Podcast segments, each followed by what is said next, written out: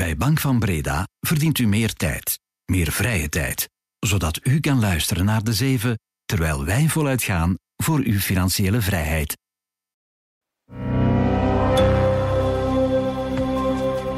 Vergeet Tesla, Apple en Microsoft. Het nieuwe hype-aandeel is Nvidia.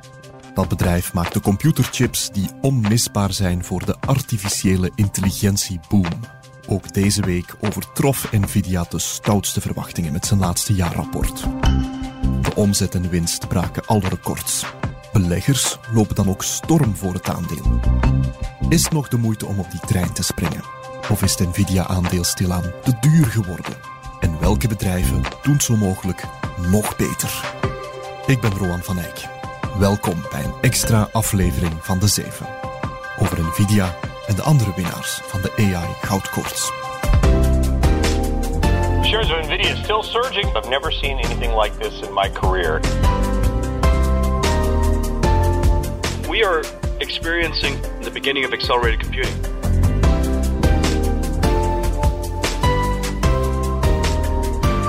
De 7. Extra. Dag Serge Mampai. Dag Roan. Journalist beleggen bij de tijd. Voor zij die het gemist hebben deze week, Serge, wat is er gebeurd met Nvidia? Wel, het was een uh, evenement waar de hele markt naar uitkeek. Er waren zeer hoge verwachtingen rond het kwartaalrapport uh, van het bedrijf. Mm -hmm. Nu, Nvidia is erop en erover gegaan. Uh, de kwartaalomzet is 265% gestegen, de winst nog veel meer, plus 486%. Het bedrijf maakt een winstmarge ook van meer dan 55%. Geen enkele ander techbedrijf met een beurswaarde van meer dan 100 miljard dollar doet beter dan Nvidia. Dus geweldig hoge marges, een geweldige groei. Het is dus normaal dat beleggers fan zijn van het aandeel. Hè? Zeg dat wel. Ongezien winst en omzetgroei. Hoe komt dat, Serge?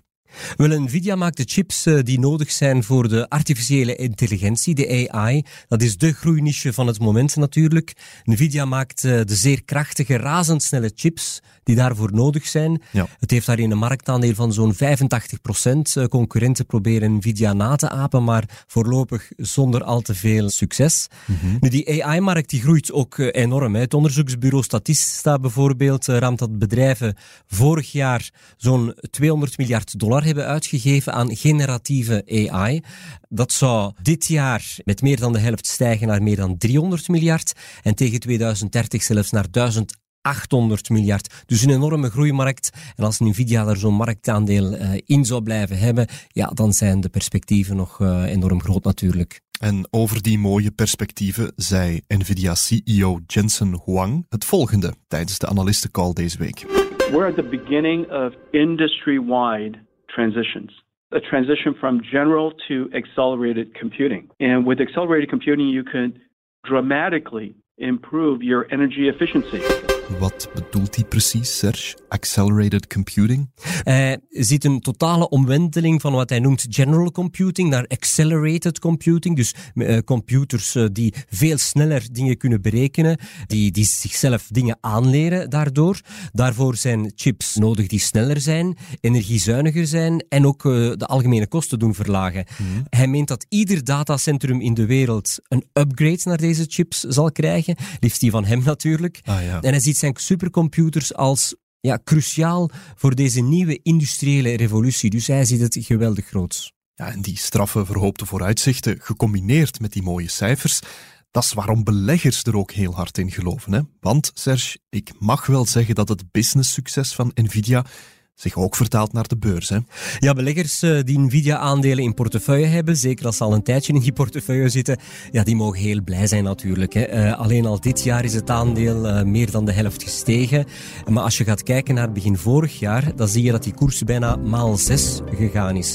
Nvidia heeft Google-moeder Alphabet en Amazon, de e-commerce reus, voorbijgestoken in het lijstje van grootste beurswaardes ter wereld. Yes. Het staat nu op nummer 4 en alleen Apple, Microsoft, Microsoft en het Saoedische staatsoliebedrijf Saudi Aramco zijn nog groter dan Nvidia.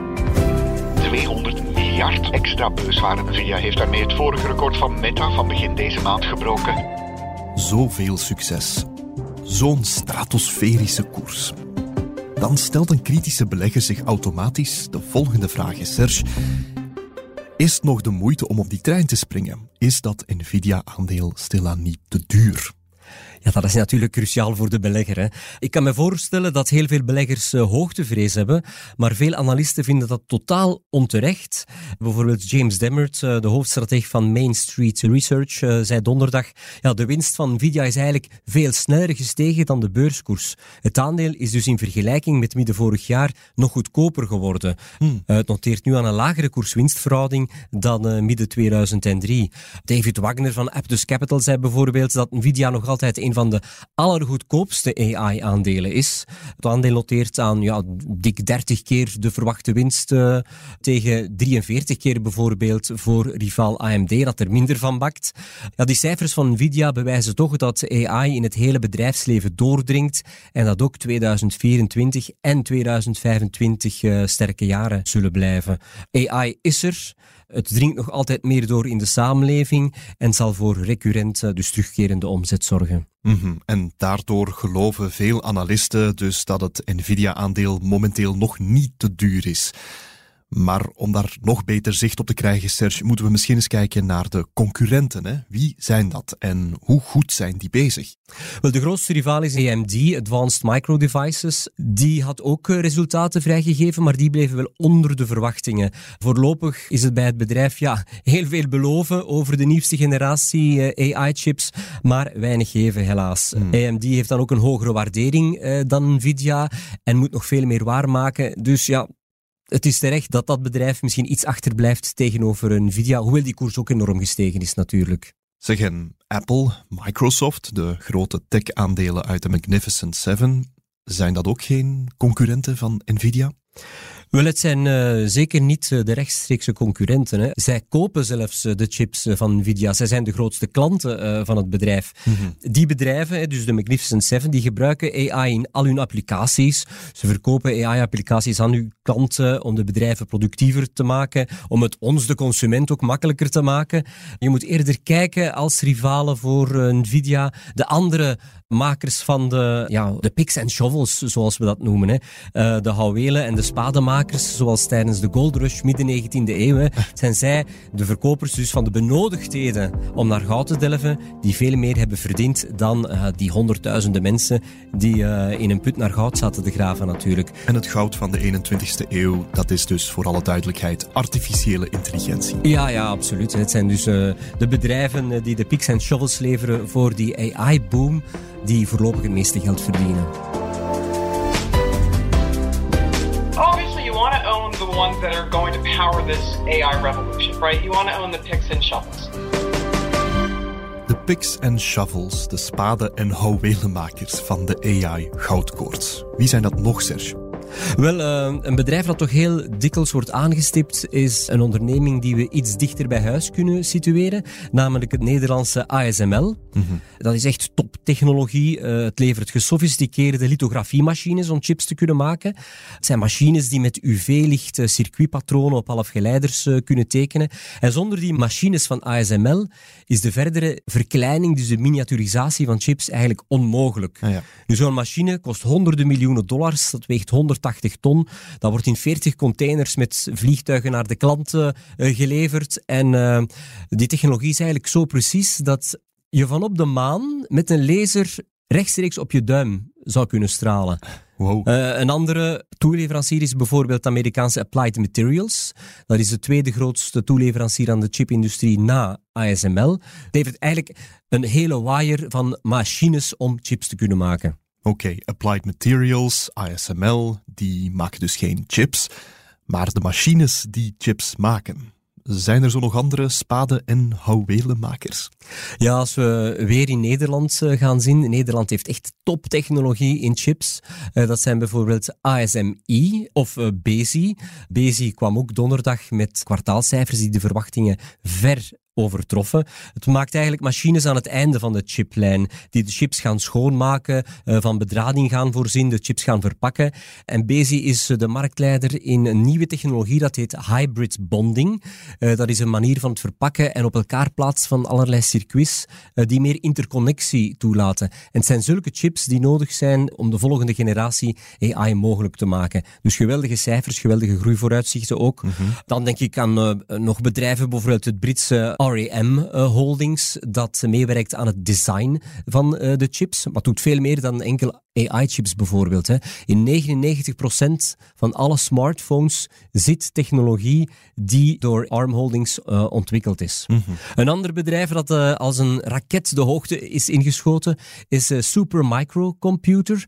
Het is dit jaar een van de aandelen die het meest besproken worden op de sociale media. Hey guys, this is Patrick from STH. So I am here at Supermicro's 1 million square foot Silicon Valley campus. Supermicro Computer shares are on the move today. Super Micro Computer. SMC is showcasing impressive growth. I rated a 4.5 out of 5, pointing towards an attractive investment opportunity. Nu, uh, Super Microcomputer ontwikkelt en produceert eigenlijk de servers waarin alle chips zitten. Uh, ook de rekken, de koeling uh, voor de serverparken. Want je kan je voorstellen, als je honderden of duizenden servers bij elkaar zet, ja, dat produceert gigantisch veel warmte. Die warmte natuurlijk die moet weggevoerd worden. Dat moet allemaal gekoeld worden. Een bedrijf dat er ook actief in is, is bijvoorbeeld Vertiv. Mm -hmm. Kwam ook met cijfers woensdagavond, die ook iets boven de verwachtingen waren. Dus allemaal ja, makers van uh, die spades en houwelen waar die AI-technologie nood aan heeft om zich verder te ontwikkelen.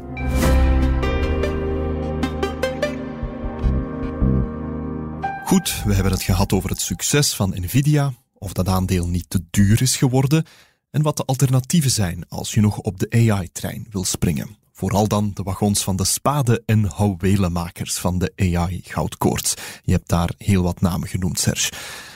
Maar misschien kan die trein ook wel gewoon in zijn geheel ontsporen. Misschien is de AI-boom wel een AI-zeepbel. Kan dat? Wel, we hebben in het verleden al veel zeebellen gekend. Hè. Zeker in de technologie. De befaamste was ja, in het jaar 2000, toen heel wat bedrijven enorm dure waarderingen hadden. De dotcom-bubbel. Ja, de dotcom-bubbel. Maar daar stond weinig omzet en vooral weinig winst tegenover. Nu zien we dat die bedrijven toch ja, reële omzetten genereren, reële winst maken.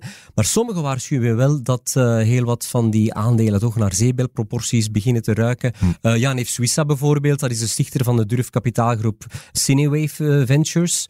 Die verklaarde in een interview op Bloomberg dat ik onlangs nog zag, dat hij zelfs dit jaar al verwacht dat die zeebel gaat barsten. Dat we dus ja, een enorme tuimeling van zulke aandelen gaan zien. Mm. Bij Saxo Bank waarschuwde de hoofdeconoom Peter Garnery ja, dat die waarderingen toch uh, iets te ver zijn opgelopen, dat de snelheid van die koersstijging ook een beetje te veel van het goede is. En er raadt toch uh, aan om minstens een deel van de winst in die Amerikaanse tech aandelen uh, van tafel te nemen en te investeren in veel goedkopere sectoren die weinig te maken hebben met technologie, zoals ja, energie, nutsbedrijven of makers van consumentenartikelen. Oké, als je als belegger op die AI-trein springt of er al op zit, misschien niet helemaal all-in gaan. Blijven diversifiëren.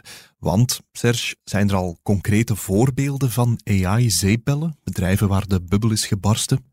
Ja, dat zie je altijd uh, bij de ontwikkeling van een nieuwe technologie. Ook nu, ik denk bijvoorbeeld aan het bedrijfje C3.ai.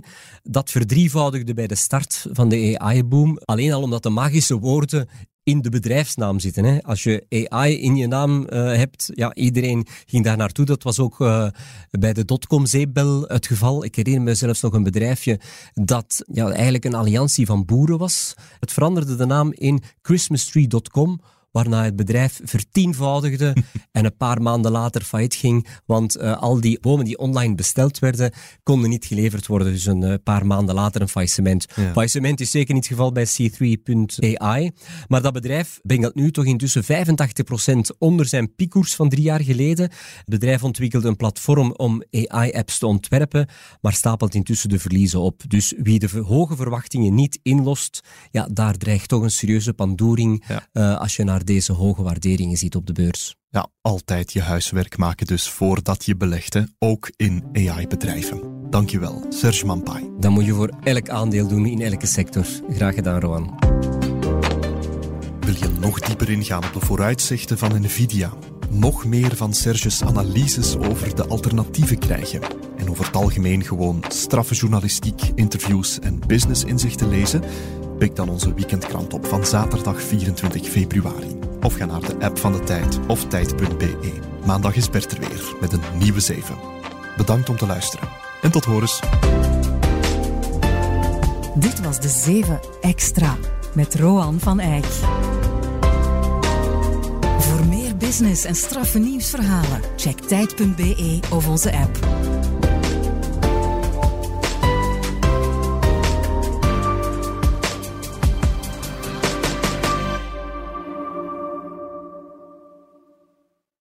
Verdient meer peren. U verdient meer anticiperen. U verdient meer anticiperen van uw financiële partner, zodat u ten alle tijde rustig kan blijven, ook als de beurs haar peren ziet. Ook u verdient meer Bank van Breda. Professioneel en privé. Bank van Breda. Enkel voor ondernemers en vrije beroepen.